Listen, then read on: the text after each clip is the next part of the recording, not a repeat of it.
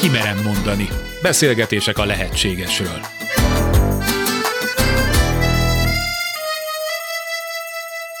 Sugár Ágnes vagyok, köszöntöm Önöket. Életünk korai élményei egy életen át elkísérnek minket. Alapszemélyiségünk 80%-a hat éves korunkra kialakul.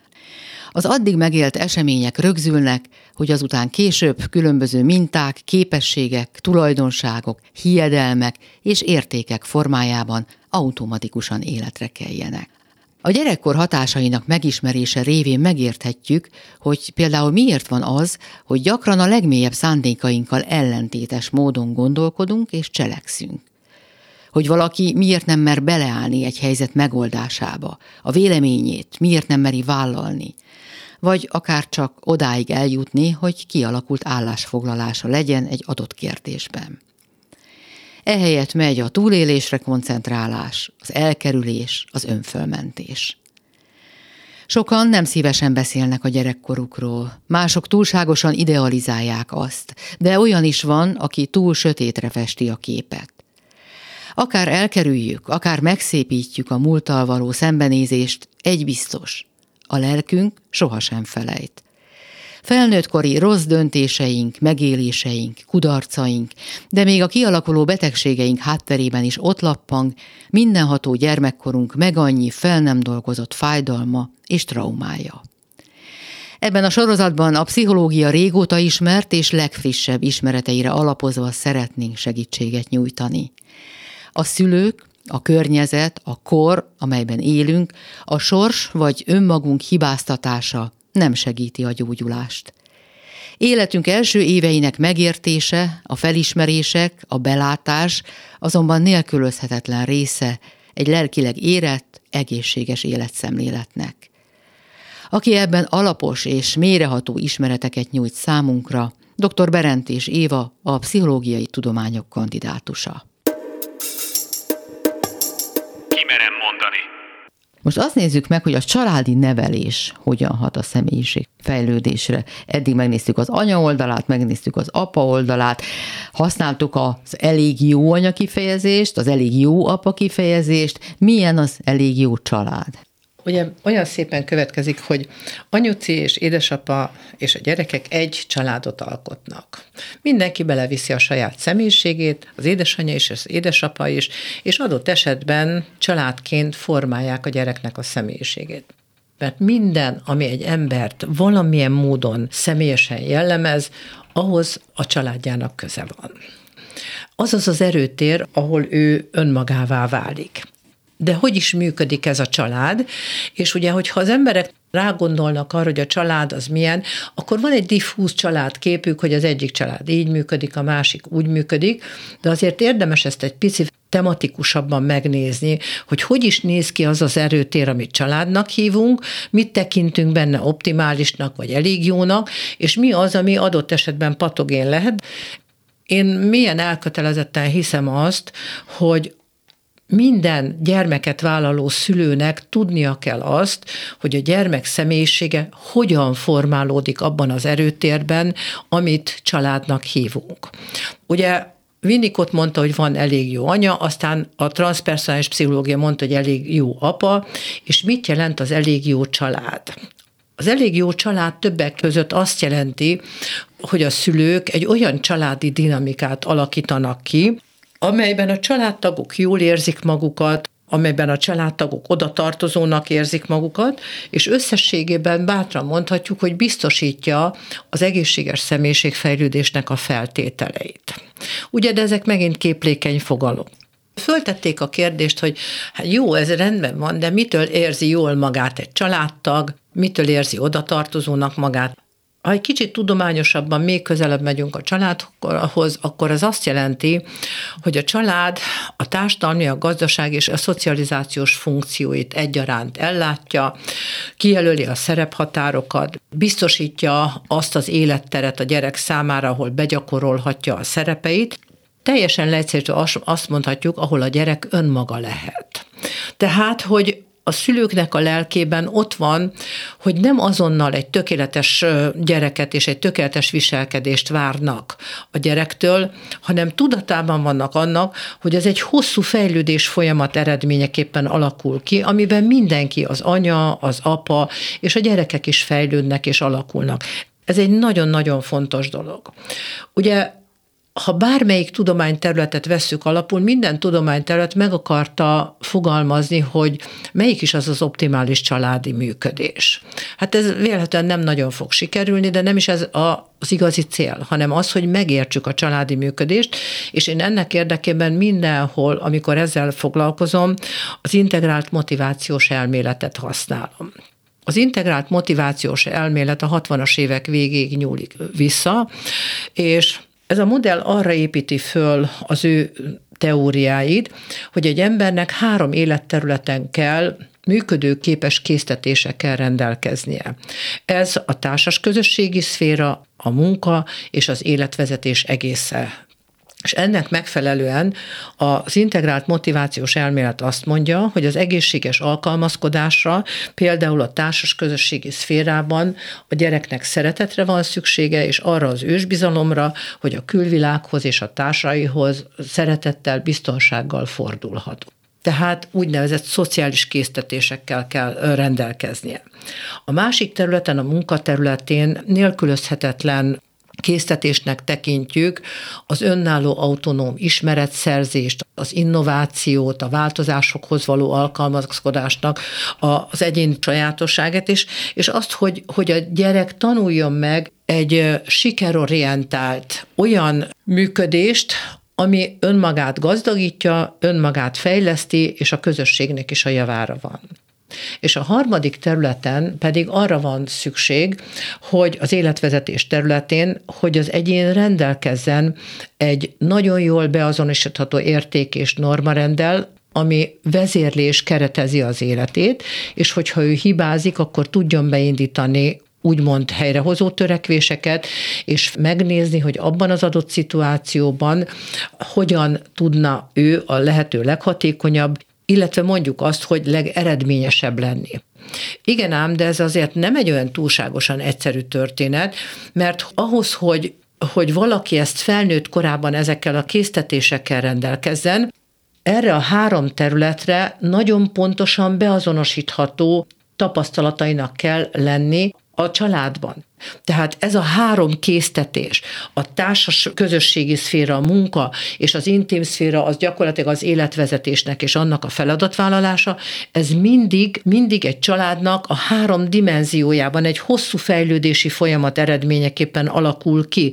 Tehát a három dimenzióban alakul a gyereknek a személyisége, aminek eredményeképpen ő képes lesz később eredményesen alkalmazkodni, mind három területen. Hú, ez akkora kihívás, akkora feladat. Most nézzük azon a szinten, amin a laikus is meg tudja érteni, Igen. hogy milyennek kell lennie egy családnak mondjuk az érzelmi légkör, a szeretet szempontjából.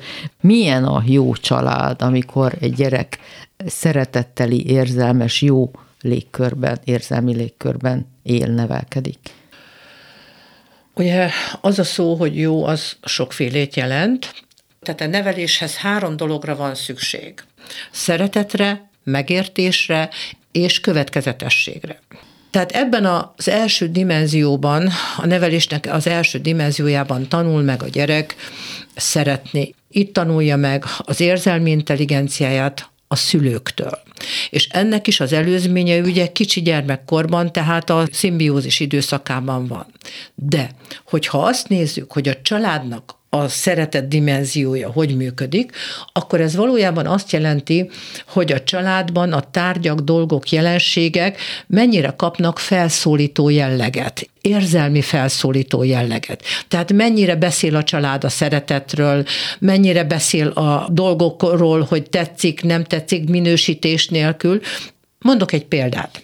Hogyha mondjuk én hazamegyek az egyetemről, és azt mondom a gyerek, úgy szeretek bent lenni a, a hatodik kerületben, van egy olyan érdekes ódon hangulata, mit tanítok meg ezzel a gyereknek? Itt kapott egy érzelmi felszólító jelleget. Szeretek bent lenni a hatodik kerületben. azzal a gyereknek azt mondom, hogy a hatodik kerületnek a hangulata az valójában egy érték. Ezt vagy megfogja, vagy nem fogja, vagy tetszik neki, vagy nem, nyilván annak függvényében, hogy ő hogy fogja ezt kialakítani, de adott esetben tőlem ezt hallja, mint szülőtől. Vagy délután hazamegyünk az oviból, és mondom, gyere már kicsim ide, még van egy csomó dolgunk, de úgy szeretlek ilyenkor megpuszilgatni, hiányoztál egész nap. Ezzel is mit mondtam? Nekem fontos az intimitás közöttünk, fontosabb, mint az, hogy most hozzákezdjünk a feladathoz, és nekem az öröm, hogy téged megpuszillak. Vagy este elkezdünk megteríteni, és azt mondom a gyereknek, gyere, csináljunk egy szép asztalt, olyan klassz leülni, ilyen szép asztalhoz terítsünk meg. És akkor esetleg még mondjuk a szalvétával is játszunk egy kicsit. Mit tanítok meg ezzel a gyereknek? Azt, hogy a szépen megterített asztal az egy érték. Hogy a részletekre, a részletgazdagságra fontos odafigyelni, hogy az együttlét egy öröm, a közös tevékenység egy öröm. Így van, és így tudjuk megérteni a különbséget. Ugyanez az anyuka mondjuk hazajön a gyerekével, és azt mondja, kicsim, vedd le a cipődet, menjél játszani, én előkészítem a vacsorát. Mi történt itt? Ez az anyuka nem szereti a gyerekét? De, csak ő másképp szereti. Itt egy praktikus orientációról van szó, ahol a feladatok kapnak felszólító jelleget, és nem az érzelmek. Tehát nem mondhatjuk, hogy az egyik jobb, mint a másik, mert az egyik anyuka így tudja csinálni, a másik pedig úgy tudja csinálni, de egészen más lesz a személyiségfejlődési következménye a dolognak. A szeretet sokféle lehet. Úgy mondjuk, hogy nem minden szeretet, ami annak látszik. Ugye? Ezt Erik Fromtól tudjuk, hogy kétféle szeretet létezik, az érett és az éretlen szeretet. Az érett szeretet azt mondja, szeretlek, mert vagy. Az éretlen szeretet azt mondja, szeretlek, mert valamilyen vagy. Hogyha a gyerek a feltételhez kötött szeretetre tanul rá, akkor bizony ő nem tanul meg megfelelően szeretni.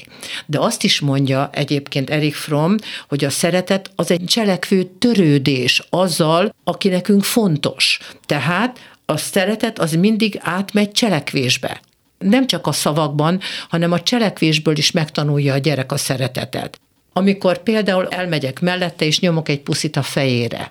Még az egyik családban ez teljesen idegen gesztus lenni, a másik családban egy alapértelmezett gesztus. De ezzel nem azt mondod, hogy az a család, ahol ez hiányzik, vagy ahol tényleg a feladatok kapják a felhívó jelleget, az a család rosszabbul teljesít, mondjuk így.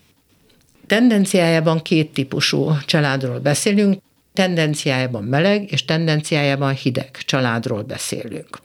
A tendenciájában meleg család, ott azokban a családokban nagyon gyakori hogy a családtagok tudatában vannak a saját szeretetgesztusaiknak, fontosnak tartják a kimutatott szeretetet, nagyon fontosnak tartják, hogy a saját szeretet csatornájukat megmutassák, vagy, vagy éppenséggel a másik szeretet csatornáján közelítsenek a másik családtaghoz. Ez azt jelenti, hogy a családtagok szeretve érzik magukat, biztonságban érzik magukat. Míg a másik esetben, a hideg családi nevelésnél, ott jellemzően valamilyennek kell lenniük ahhoz, hogy szeretve érezzék magukat. Tehát ez a feltételhez kötött Így szeretet. van, pontosan. Ugye a későbbiekben ez nyilván számos tünetben megmutatkozik. Mi jelenik meg az első esetben, és mi jelenik meg a második esetben? Mind a kettőnek van valami következménye. A hidegnek is, meg a melegnek is. Tehát a szeretet dimenzióban, hogyha egy gyerek azt érzi, hogy a szülei és a környezete szeretettel fordul felé, hogy napirenden vannak a szeretet gesztusok, hogyha ki tudják fejezni a szeretetüket egymás felé, odafigyelnek egymásra, mert ugye szoktuk azt mondani, hogy ahol a figyelem, ott a szeretet, ott a gyerek arra tanul rá, hogy a szeretet az egy fontos dolog. Igen ám, de nem csak ezt tanulja meg. Az, hogy megtanul szeretni, az egy alapértelmezett dolog. Megtanulja kifejezni a szeretetét, de legalább ennyire fontos, hogy ebben a dimenzióban tanulja meg az érték és norma rendjét. Mert hogyha kisfiam, most hagyjál egy picit olvasni, én úgy szeretek ilyenkor olvasni, nekem ez a pihenés. Mit tanítok meg ezzel a gyereknek? Azt tanítom meg, hogy az olvasás egy érték. Vagy tudod, mint menjünk egy kicsit sétálni a természetbe, és ott kint vagyunk, hallgatjuk a madarakat, beszélgetünk. Ezzel azt tanítom meg neki, hogy jó kint sétálni a természetben, a szabadidőnek ez az eltöltés egy érték. Mert ugyanúgy megtaníthatom neki azt, hogy menjünk egy bevásárló központba, nézzük, hogy ott mi van. Mindenki más tanít. Nem az egyik jobb, mint a másik, hanem mindenki más erőtérben nevelkedik. Igen, de hogyha például olyan tevékenységet végzek el, amiről tudom, hogy a másiknak segíti a pihenését, vagy jobb közérzete lesz tőle, ez melyik kategóriába tartozik? Tehát mondjuk nem simogatom, nem ölelgetem, de figyelmes vagyok a feladatok terén. Ugye szoktuk mondani, hogy ha azt teszed, amit gondolsz, akkor nem kell mondani, hogy mit teszel. Ez erre az esetre is érvényes. Ez egy másik szeretett csatorna. Ugye ötféle szeretett csatornánk van Gary Chapman alapján, vannak emberek, akik szeretik kimondani a szeretetet. Szeretlek, és különböző kedves szavakkal becézik a másikat. A második szeretett csatorna a testi érintés, az ölelés, a puszi, a harmadik szeretet, most nagyon leegyszerűsítve mondom, a harmadik szeretet csatorna, amikor tárgyasítom, megfőzöm a kedvenc kajáját, vagy veszek neki egy olyat, amiről tudom, hogy örül neki.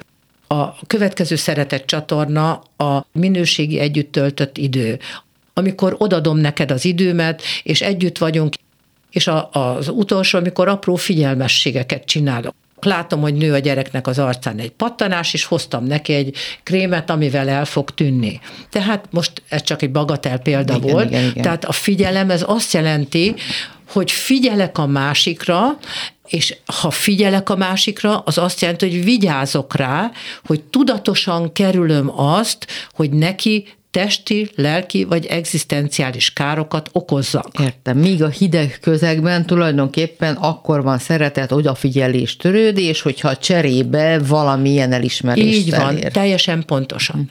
Na most ennek azért van jelentősége, mert ez a szeretet dimenzió lesz az, ami a társas közegben való magatartást megalapozza. Tehát itt tanul meg a gyerek szeretni, itt tanulja meg az affiliációt, tehát a kötődést, az odatartozásra való belső késztetést. Tehát minden dimenzióban különböző késztetések, motivumok alakulnak ki. Tehát azt mondja az integrált motivációs elmélet, hogy minden szülői gesztus, minden szülői lépés az valamilyen későbbi gyermeki késztetés irányába hat. Uh-huh. Tehát, hogyha én azt mondom, hogy olvasni jó, akkor valószínűleg a gyerek olvasni fog, mert hogy erre fog késztetést érezni, ha ezt megfelelőképpen csinálom. Tehát azt akarom mondani, hogy ő itt tanul meg szeretni. Itt tanulja meg az identitását, mert itt alakítja ki, hogy őt mihez fűzi szeretetteli viszony, mi fontos neki és mi, mi nem, tehát a szeretet valójában és az érzelem azt fejezi ki, hogy mi nekem a fontos. És gyakorlatilag itt tanul meg kötődni, tehát a csoporthoz tartozásnak az érzését is itt fogja megtanulni. Szerintem könnyű belátni, hogy ezek egy ember életének a, az alappilléreit. Míg a feltételhez kötött szeretet esetében milyen lesz felnőtt korában, mit tanul meg a gyerek? Azt szoktuk mondani, hogy egy ellenállásra kész felnőtt lesz belőle. Mert a melegben olyan gyereket kapunk, aki affiliatív, tehát kötődésre kész. Még a hidegben, és ugye ennek megvannak a gyermekkori anyai előzményei, ott egy hidegebb, ellenállásra, agresszióra, készenléti állapotra beállítódott gyereket Tehát kapunk. Ő az, aki mindig problémát keres és talál mindenben, ő az, akinek mindig van egy de, közbeszólása. Így van, tehát egy picit ilyen ellenállásra orientált embert kapunk belőle, amiről már tudjuk, hogy ez maga a probléma orientáció. Uh-huh. És hát szóba kell hozni, hogy bizony van olyan családi közeg is, amikor nincs szeretet, amikor nem szeretik a gyereket, sem így, sem úgy. És nem is kevés. Ugye a gyerek azt rögtön tudja, hogy őt szeretik-e vagy nem. De vajon a szülő tudja-e azt, hogy ő nem szereti a gyerekét, vagy tudja azt, hogy miért nem szereti a gyereket? Ennek nagyon sokféle oka lehet. Például, hogy édesanyát belekényszerítenek az anya szerepbe, és emiatt valamiről le kell neki mondania.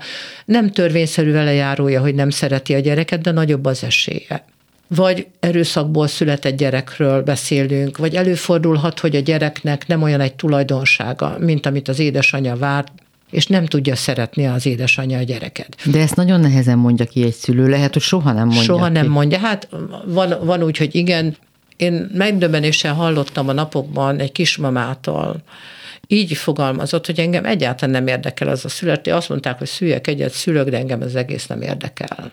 Hm. Hát jó, hát jó eséllyel indul a gyerek. Jó eséllyel indul a gyerek, és csak bízni tudunk benne, hogy ez az anyuka dolgozik magán, és valamit azért ledolgoz ebből a hátrányból, mert hogy ezt nagyon muszáj. Mi van, ha valaki egy ilyen környezetből jön? Milyen ő maga, és mit tehet? Ennek is sokféle változata van. A lényege az, hogy ez biztosan nem meleg családi környezet. Nagyon gyakran találkozom például narcisztikusan sérült édesanyáknak a gyerekével, akik nagyon jellemzően háttérbe szorulnak, lemondanak a saját személyiségükről, és egy életen keresztül a nőnek a kegyeit keresik azért, hogy egyszer majd fogja őket szeretni. És ez messze túlmutat egy, egy társfüggésen, hanem itt a személyiség sérülése olyan, amit, amitől a személyiség nem tud egy perce sem eltekinteni. Ők önbecsülésükben, én képükben, identitásukban sérülnek, ők maguk sem tanulnak meg éretten szeretni, és nagyon sokszor van egy feleslegesség élményük, az az élményük van, hogy ők miért is élnek. Például nagyon gyakran az ilyen környezetből érkező gyerekek lesznek bipolárisak, határeseti szindrómát mutatnak, borderline szindrómát mutatnak. Tehát az a anyai közeg, amelyik így működik, nagyon sokszor megbetegíti a gyereket. Hm. Menjünk tovább második dimenzió felé, ez pedig a megértés, vagy inkább mondjuk úgy, hogy a nevelés rugalmassága. Igen. Ugye mindenki maga elé tud képzelni egy kisgyereket, aki mondjuk egy éves, és anyukájának az ölében van, anyuka fogja, és a gyerek elmélyülten piszkálja mondjuk a terítőnek a rojtját. Az egészséges érzelmi nevelésnek, bár erről kevés szót ejtettünk, egy alapértelmezett belső működés az érzelmi munkának az elvégzése. Hogy ránézek a gyerekre, és elvégzem azt az érzelmi munkát, hogy itt és most neki milyen érzelmi szükségletei vannak. Ő most ott az én ölemben biztonságban érzi magát, és elkezdi fölfedezni a világot. Ebben az esetben a gyerek piszkálja, piszkálja, piszkálja. De nem mindegy, egy éves kora körül a gyerek automatikusan a külvilág felismerése, megismerése felé fordul, és egyáltalán nem mindegy, hogy a szülő hogyan reagál erre a megismerésre. Például a gyerek be akarja kapcsolni a távirányítót. Tátító, és akkor ő be akarja kapcsolni. Megteheti ezt a szülő úgy, hogy erre vigyázzunk, ezt nyom meg. Tehát megtanítja neki azt, hogy igen, és hogyha a gyerek már tízszer akarja megnyomni azt a bizonyos távirányítót, akkor azt mondja, nem, mert ez már nem játék, hanem ezt tegyük félre. De az is lehet, hogy a szülő oda megy, kiveszi a kezépje, azt mondja, ez nem játék, tedd le. Vagy gondoljunk arra a kisgyerekre, aki anyukája ölében próbálja a rojtokat ott a helyére tenni. Mi történik? Anyuka arrébb teszi a gyereknek a kezét, megigazítja a rojtot, egy szót se szólt, de mit üzent ezzel a gyereknek? Hogy nem olyan fontos azt a rojtot megismerni, de bizony a világban sok rojt van, amit meg kell ismerni, és itt alapozódik meg az, hogy hogy fog a gyerek a megismeréshez, az innovációhoz, és általában a tudáshoz viszonyulni. Tehát az, hogy mennyire vagyunk megengedőek, és mennyire vagyunk korlátozóak, és hol húzzuk meg a határokat, az tulajdonképpen ebben a közegben dől el. A múltkoriban mondta nekem valaki, hogy ő azért nem ért egyet, és akkor meg kellett állapítanom, hogy sokszor még a szavakon is mást értünk, mert ugye az ő ismerőse nagyon megengedő volt. Mindent a gyereknek csak ráfigyelt, mindenben támogatta, mindenben segítette, pici babáról beszélünk, és négy éves a gyerek, és az anyja nem hagyhatja. Ott egy órára se, a gyerek nem marad meg mással, csak az anyján lóg, hogy az egészet túlzásba vitték, hogy ezt így nem lehet lehet látni, hogy a legnagyobb jó szándékkal csinált édesanyja valami olyat, amit bizony meglehetősen nehéz korrigálni. Mert ha minden a gyerekről szól, akkor az kiről szól? Az édesanyáról? Az édesanyáról. Tehát az édesanya olyan módon fogja fel az anyaságát, hogy azt gondolja, hogy ha ő mindent megad a gyerekének, mindent megcsinál a gyereke helyett, akkor az a gyerek egészséges személyiség fejlődését szolgálja. De ez nem így van. Mert ha én mindent adok neki, folyamatosan ő ráfigyelek, folyamatosan behatolok az ő intim szférájába, akkor túl sok vagyok. Tehát rám figyel, csak velem foglalkozik, és bizony tudjuk, hogy ha csak velem foglalkozik, mint anyával, mert én vagyok állandóan a látóterében, akkor nem fogja tudni a világot megtanulni. Nem érzi magát biztonságban, és nem fog tudni rólam leválni. Hm. És ez az én félelmemet is tükrözi, pontosabban azt tükrözi, hogy a gyereket egy percre, egy pillanatra sem merem nélkülözni, elengedni, mert mi derül ki rólam akkor? Egyrészt, a másodszorban pedig az édesanyának az az érzése is ott van, amit ő vélhetően egyáltalán nem tud, hogy nem bízik a gyerekben. Tehát, hogyha ott van a gyerek, és ő teszi a dolgát, és anyuka percenként köröz mellette, megcsinálja a dolgokat helyette, túlvédi, és így tovább, akkor a gyerek nem tud saját tapasztalatokat szerezni.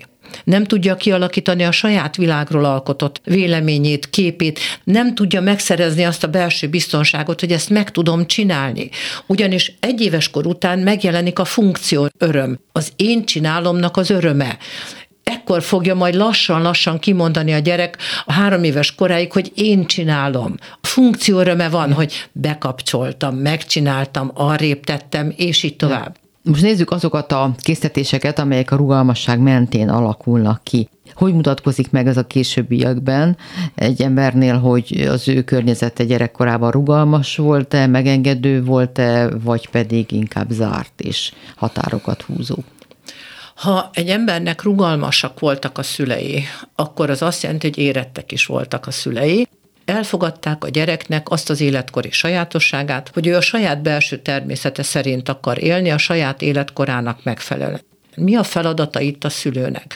Az a feladata, hogy észszerű határok között hagyjam a gyerek személyiségét fejlődni. De ez nem jelenti azt, hogy a gyereknek mindent szabad hanem arról van szó, hogy vannak észszerűen betartható játékszabályok. Tehát mielőtt leülünk az asztalhoz, kezet mosunk. Itt a gyerek elkezd esetleg ö, egyezkedni, de ő nem akarja megmosni, és így tovább. Hát ezt azt gondolom, hogy nem képezi vita tárgyát, hogy gyere kicsim megmossuk, hát én se szeretek mindent megcsinálni, de ez most olyan, hogy most megmossuk. Na most, a példamutatás itt is egy fontos hát szempont. hogy ne? Hát hogy ne? Vagy gondoljunk arra, hogy mondjuk el kell pakolni a játékokat. És anyuka ötször mondja a gyereknek, hogy pakold el a játékokat. Nem, én még akarom ezt csinálni, de, de pakold el. Majd végül anyuka oda megy, és elpakolja a játékokat mi lesz ennek a következménye? Majd mindig megcsinálja helyettem más. Így van, pontosan. Tehát, ha én azt mondom neki, hogy hát én se szeretek minden este főzni, tudod? Csináljuk meg, jó kedven, derűsen, és megcsináljuk. Én nem azt mondom, hogy minden szülő legyen buthából, de azt tudni kell, hogy az észszerűen és közösen kialakított játékszabályok. Például mai világban nagyon fontos a, a telefonhoz és egyáltalán a, a digitális eszközökhöz fűződő viszony. Az a tiltás, ami egy erőszakos tiltás az sehol nem fog vezetni. Azért, mert részben a gyereknek erről nem lesznek tapasztalatai, hanem mit kell nekem itt megtanítani. Azt kell neki megtanítani, hogy igen, ez az eszköz az akár lehet egy nagyon érdekes, sok-sok ingernek a forrása, de ha sokat használod, az egészségtelen, mert az rombolja a személyiséget. A gyerek ezt még nem tudja. És azt mondjuk, hogy tudod, én azt mondom neked, hogy igen, és amikor fogom neked mondani, hogy most kérem szépen, akkor ezt idadod. Meg tudunk így egyezni? Azt mondja, jó. Én azt látom, hogy ez már három éves gyereknél is működik minden további nélkül, tehát ezzel meg tudom akadályozni azt, hogy neki ugyan van egy érdeklődése, például a telefon, vagy a YouTube iránt, vagy akármi iránt, de a határokat és a szabályokat én, mint felnőtt fogom neki meghatározni. Uh-huh. És az, hogy ő ehhez a szabályhoz alkalmazkodik, vagy nem alkalmazkodik, az az ő személyes fejlődésének lesz az alapja. Végeztek egy nagyon érdekes vizsgálatot arra vonatkozóan, hogy épült egy ház, és már készen volt a lépcső, de nem volt benne korlát. És akkor megnézték, hogy az emberek körülbelül hanyadik emeletig mennek föl korlát nélkül és átlagosan egy közepesen, mondjuk így érett ember a második, harmadik emeletig megy föl korlát nélkül, viszont az a gyerek, akinek nem alakul ki az érték és norma rendje, illetve nem tanulja meg a saját határait tisztázni, irreális kockázatot vállal, és akár a tizedik is felmenne, ha hagynák neki, ebben az esetben. Tehát a határok nélküliség az nagyon-nagyon rombolóan hat egy gyereknek a személyiségére, és bármilyen furcsa a felnőttkori drogfüggésnek és a szerfüggésnek az egyik alapja egyébként. Nagyon fontos néhány fogalmat tisztáznunk. A problémaorientáció kifejezés már többször elhangzott, de akkor először arról, hogy a sikerorientáció és a kudarc kerülés mit jelent. Képzeljünk maga, magunk elé egy gyereket. Oda hozza a rajzát, mondjuk ő két éves, három éves, és azt mondja, nézd, milyen szépet rajzoltam. A másik oda hozza a rajzát, és azt mondja, szépet rajzoltam? Szép. Itt már a gyereknek körvonalazódik a sikerorientáció és a kudarc kerülése. A sikerorientált azt jelenti, bízom magamban és abban, hogy amit megcsinálok, az hatékony, eredményes és jó. A az egyik gyerek, amelyik azt mondja, nézd még, milyen szépet csináltam, ő már úgymond lezsűrizte magában, neki ez tetszik, és megmutatja, hogy nézd meg. A másik gyerek, úgy gondolkodik, mi lesz, ha nem fog sikerülni? Mi lesz, ha nem tetszik a szülőnek? Mi fog akkor történni? Tehát azt mondja, hogy tetszik, ezért is mondjuk azt, hogy ebben a dimenzióban alakul ki a kontrollhelye attitűd, és ez a kontrollhelye azt jelenti, hogy beépül a személyiségembe az, hogy egy önirányító módon a saját kontrollom alatt tartom a teljesítményemet, mert a sikerorientált vállalás az egy reális vállalás. Tehát ismerem a saját személyiségemet, tudom az erőforrásaimat, és ahhoz képest egy reális feladatot vállalok. Azt szoktuk mondani, hogy az tekinthető reális feladatvállalásnak, amit már egyszer megcsináltam, plusz 10 százalék. A másik gyerek, akinek a szülei azt mondják a rajzára, hogy oda még rajzoljál valami szépet, oda még egy virágot tegyél. Azzal a szülő bár nincs tudatában, azt mondja, hogy amit rajzoltál nem elég szép, de sokkal szebb lesz, ha még a virágot rárajzolod. Pedig a szülő azt hiszi, hogy most tanítja a gyereket. Így van, pedig nem. Majd a gyerek fogja tudni, hogy mikor kell a virágot rárajzolni, vagy mikor nem. Igen ám, de így kialakul a feladatvállaláshoz fűződő szubjektív viszony, ami lehet ugye sikerorientált, vagy kudarckerülő. A sikerorientált gyerek reális feladatot vállal, még a kudarckerülő gyerek, akinek a hátterében jellemzően bizonytalan énelők állnak, hajlamosak lesznek túlvállalni vagy alulvállalni. Ugyanis a kudarc kerülő gyerek a kudarcot akarja elkerülni. Ha túlvállalja magát, akkor az azért nem lesz kudarc, mert nagyon nehéz volt a feladat. Ha alulvállalja, azt meg úgyis meg tudja csinálni, csak ettől nem fog fejlődni. Igen. Tehát ez a sikerorientáció és a kudarc kerülő. De nekünk nem csak ez a cél, hogy sikerorientált legyen, és meg tudjuk különböztetni a kudarckerüléstől, hanem azt lehet látni, hogy ha rugalmas vagyok, akkor valójában a gyereknek azt tanítom meg, hogy képes vagy rá, és nem azt, hogy így vagy úgy vagy amúgy csinálom, és akkor leszel sikeres, ha úgy csinálod, ahogy én mondom, uh-huh. hanem arra biztassam őt, hogy tegye meg, tegye bele, amit ő tud, és ha kell még hozzá, akkor csinálja meg. Tehát, hogy folyamatosan egy önreflexióra tanítom, mert nem várhatok a gyerektől azonnali teljesítményt. A problémaorientáció és a feladatorientáció különbsége mi?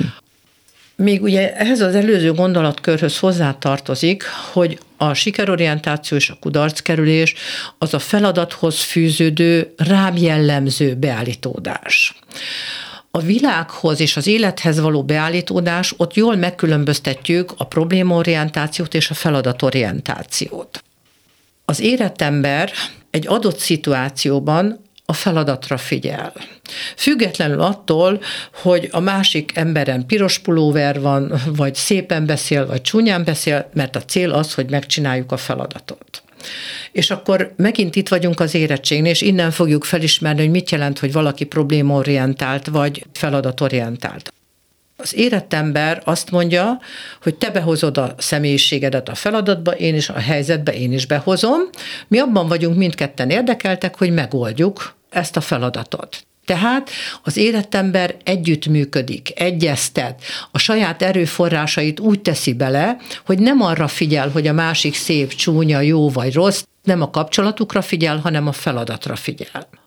A problémorientált ember nem így működik. A probléma orientált miután nem tud elfogadni, és jellemzően önmagát sem tudja elfogadni, ebből következik a másik elfogadásának a hiánya, elvárja, hogy a másik valamilyen legyen. Uh-huh. Elvárja, hogy piros ruhát vegyen föl, így gondolkozzon, így beszéljen, és így tovább, mert azt hiszi, hogy így kell, hogy az ő igazsága mindenki igazsága de ez egy tévút. Na most, hogyha én elvárom azt, hogy valaki így, úgy és amúgy viselkedjen, akkor az azt jelenti, hogy én nem vagyok már vele egyenrangú, mert hogyha én várok el, akkor én vagyok domináns szerepben, hogyha pedig ő, ő vár el tőlem, akkor én vagyok alárendelt szerepben. Tehát már nem lehet egy élet magatartás, mert nem tudunk egyenrangúak lenni. És ott van a harmadik dolog, hogyha én elvárom, hogy a másik ilyen legyen, olyan legyen, mert nem tudom elfogadni, hogy ő más, nem tudom neki megengedni a saját másságát, akkor én valójában végig magamra figyelek, és nem a feladatra figyelek. És mennyit szenvedhetek ettől? azt még fontos hozzátenni a második dimenzióhoz, a rugalmassághoz, mi alakul itt ki. Bármilyen furcsa, ebben a középső dimenzióban alakul ki a gyereknek az én képe és az önértékelése abból, hogy minél több dolgot ő meg tud csinálni, azzal ő megerősödik önmagában. Itt alakul ki a kompetencia késztetése, hogy érteni akar a dolgokhoz. Tehát ő azt akarja, hogy a dolgok adott esetben őt tükrözik, ahogy őt megoldotta. És nagyon fontos dolog, hogy ebben a középső dimenzióban alakul ki a gyereknek az érdeklődése. Ugyanis meg tudja ítélni már, hogy őt ez jobban érdekli, mint a másik dolog. Hogyha megnézzük, akkor lehet látni, hogy már egy két éves gyereknek is vannak kedvenc meséi. Az egyik jobban érdekli, mint a másik. Így van, így van. A harmadik szintén nem elhanyagolható körülmény vagy közeg, az pedig a következetesség kérdése. A családi nevelés során. Így van.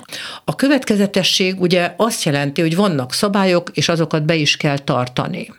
A tapasztalatok szerint a szülőknek ezzel a dimenzióval van a legtöbb problémájuk, mert mindig a körülményekhez próbálják igazítani az ő következetességüket, hogy most a gyerek ilyen állapotban van, olyan állapotban van, és így tovább. Én ilyen állapotban vagyok, vagy olyanban, mondja a szülő magára. Így van, én, így van.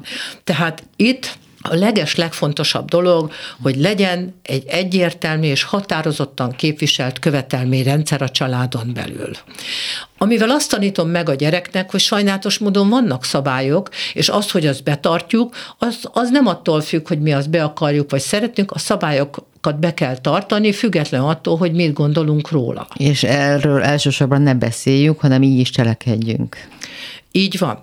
Na most ugye, hogyha egy szerető és adott esetben elfogadó családi környezetben van, akkor a gyereknek teljesen természetes, hogy a dolgoknak van következménye, a dolgokat valahogy kell csinálni, hiszen az apai elv pontosan azt mondja, hogy, hogy az életnek az egyik első számú összetevője a rend. A rend azt jelenti, hogy minek hol van a helye, és a külső és a belső rend biztosítja azt a fegyelmet, ami a környezetünkben van. Tehát nem öncélúan alakítjuk ki a szabályokat, hanem ez a rend jelenti a biztonságot.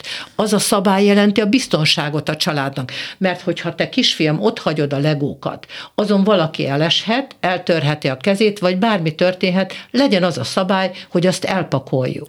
Igen, itt már nagyon nehéz megmondani, hogy hol van az a határ, amikor még a szabályok sora egészséges, és hol van az, amikor már túl kontrolláló, túl szigorú, túlságosan, mert a gyerek érdekeit is védem, vagy tanítom őt a jóra felkiáltással. Na most ugye ez, ez a következetesség, az erőfaktor, az valójában a következetességet jelenti.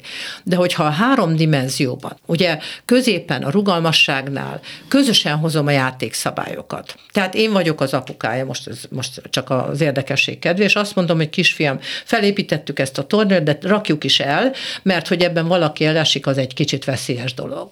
És akkor a gyerek segít nekem, és elpakoljuk. Tehát ő ott pontosan tudja, hogy ott az egy szabály, hogy el kell azt pakolni. Később már nem kell ezt újra elmondani, hanem csak annyit mondok neki, hogy kisfiam, pakold el a játékokat, ahogy szoktuk vacsora előtt. Szépen ő fogja, elpakolja. De azt mondja, most ő nem pakolja el. Itt ebben az esetben ugye ez egy meglehetősen munkás dolog, mert hogy mit csináljak ilyenkor? Hát ő nem pakolja el. Van ilyen? Az életben megtehetem? Megtehetem, csak ennek következményei vannak. Tehát az azt jelenti, hogy tükröznöm kell a gyereknek a viselkedését, hogyha te ezt így gondolod, akkor az élet ilyen más területén is ez így működik. Tehát kisjön, megértem, hogy nem szereted, akkor is be kell tartani. Tehát, hogyha én azt mondom, hogy elalvás előtt már nincs telefon, akkor sajnos nincs telefon, mert ezt közösen hoztuk ezt a játékszabályt. És mi van, hogyha azt mondja, vagy azt gondolja a szülő, hogy a gyerek dacolni akar, és már pedig hiába próbálom őt meggyőzni, vagy a szabályra figyelmeztetni, ő nem. Erőpróba. Ő nem pakolja el. Én azt mondom neki ebben az esetben, és még egyszer mondom, három éves gyerekekre is működik, oké, okay, én azt kérem tőled, hogy most jó, akkor ne pakold el, de hogy holnap ezt meg fogjuk mindenképpen beszélni, mert hogy este lefekvés előtt már ott nem fogjuk a küzdelmet megcsinálni, és közben én tehetek olyat, hogy én se csinálok meg neki valamit, amit ő kér. Tehát a szeretetteli tükrözés az, ami mindig segít nekünk, hogy belássa, mert a belátást kell elérni, hogy belássa, hogy igen, hát van, amit utálunk csinálni, meg nem szeretjük, de akkor attól függetlenül még azt meg kell csinálni. Tehát a fenyegetőzés, az érzelem megvonás, az erő semmit nem ér. Semmi. Sőt. A büntetés ebben az esetben semmit nem sőt, jelent. Sőt. És azt mondja, fel, figyelj, hogyha ezt nem csinálod meg, akkor reggel nem kapod meg ezt, meg e. Hova vezet ez? Sehova nem fog vezetni kisfiam, van nekünk egy szabályunk, megállapodtunk ebben. Amikor te kérsz tőlem valamit, én is megcsinálom. Azt kérem, hogy itt ez a szabály, légy szíves, tartsd be. Mi van akkor, ha egy szülő mond ezt hallgatva, most jön rá, hogy hát bizony elhibáztam, bizony ezt se jól csináltam, meg azt se. Hogy lehet egy szabályt átírni, ha az addig nem létezett? Attól függ, hogy hány éves gyerekről beszélünk. Minél idősebb a gyerek, annál kevésbé lehet ezt átírni, de Ugyanakkor mondhatjuk azt is, hogy ott már a belátásnak nagyobb szerepe van éppen a kognitív funkciók miatt, tehát ott akár el is érhetjük azt, hogy, hogy a gyerek belássa.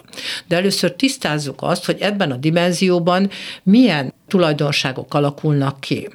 Tehát ebben a dimenzióban alakulnak ki az önkontroll funkciók.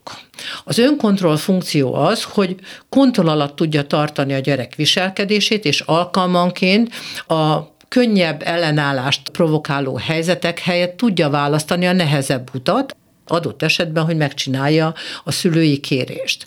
Az önkontroll funkció tehát az azt jelenti, hogy megtanul késleltetni, megtanulja a kudarcait kezelni, és a jutalmazást önszabályozni késletet, és azt jelenti, hogy nem minden azonnal valósul Így meg, van, ki pontosan. tudja várni az idejét. Nem hiszem, hogy egy felnőtt embernek magyarázni kell, hogy a késleltetésnek milyen óriási szerepe van a felnőtt életünkben. Ebben a dimenzióban tanulja meg az önkontroll funkciókat, itt tanul meg késleltetni, és itt tanulja meg a gyerek ebben a dimenzióban a lelkismereti funkciókat itt tanul meg felelősséget vállalni önmagá, és itt alakul ki a célkitűzésnek a képessége, a végrehajtás képessége. Tehát azt jelenti, hogy a céltól a végrehajtásig terjedő időszakot ő maga tudja sikerorientáltan kézben tartani. Ide tartozik a döntési képesség, az akaraterő, a kitartás, a szorgalom, a feladattudat, a monotónia tűrés mind ebben a dimenzióban alakul ki, és könnyű belátni, hogyha egy gyerek ezeket a tulajdonságokat nem tanulja meg, akkor az neki a felnőtt életvezetésében nagyon sok problémát fog majd okozni. Mit jelent az, hogy megtanulja? Ugye arról beszéltünk, hogy ez egy folyamat, amiben lehetnek könnyebb, meg nehezebb Így periódusok. Van. Hány éves korig tart ez a folyamat? Vagy ez egészen a felnövekedésig? Ugye, hogyha azt mondjuk, hogy a személyiségünk 80%-a 3-6 éves korunkra kialakul, akkor ezek a három dimenzióban alakuló tulajdonságok 6 éves korig megalapozódnak, de inkább három. Utána már csak gyakoroljuk? Gyakoroljuk és csiszoljuk. Ugye csiszoljuk, mert utána a gyerek gyerekközösségbe kerül új szabályokkal, új kompetenciákkal találkozik, de az alapokat a családban már leraktuk. Nagyon fontos kérdés, inkább nagyszülőktől szoktam hallani, hogy mi van akkor, ha ők nagyon nem értenek egyet azzal, ami zajlik a családi közegben, de hétvégente, amikor a gyerek náluk van, vagy amikor együtt vannak, akkor azért próbálják teljesen máshogy alakítani a gyerek fejlődését. Számít ez valamit is? Keveset, csak ugye, hogyha én tudom a gyerekeimnek a nevelési elvét, akkor könnyű belátni, hogy azzal, hogy egy hétvégén én másképp csinálom, azzal sem a gyereket, sem magamat nem fogom segíteni. Tehát, hogy igen, azt mondom a gyereknek, hogy most teszünk egy kis engedményt. Tudod, hogy anyáik ezt másképp csinálják, most mi tettünk, most nagyinál vagy, de összességében nem írjuk fölül a szülőnek a viselkedését, a értékrendjét, a normáját, mert azzal elveszük a szülőt.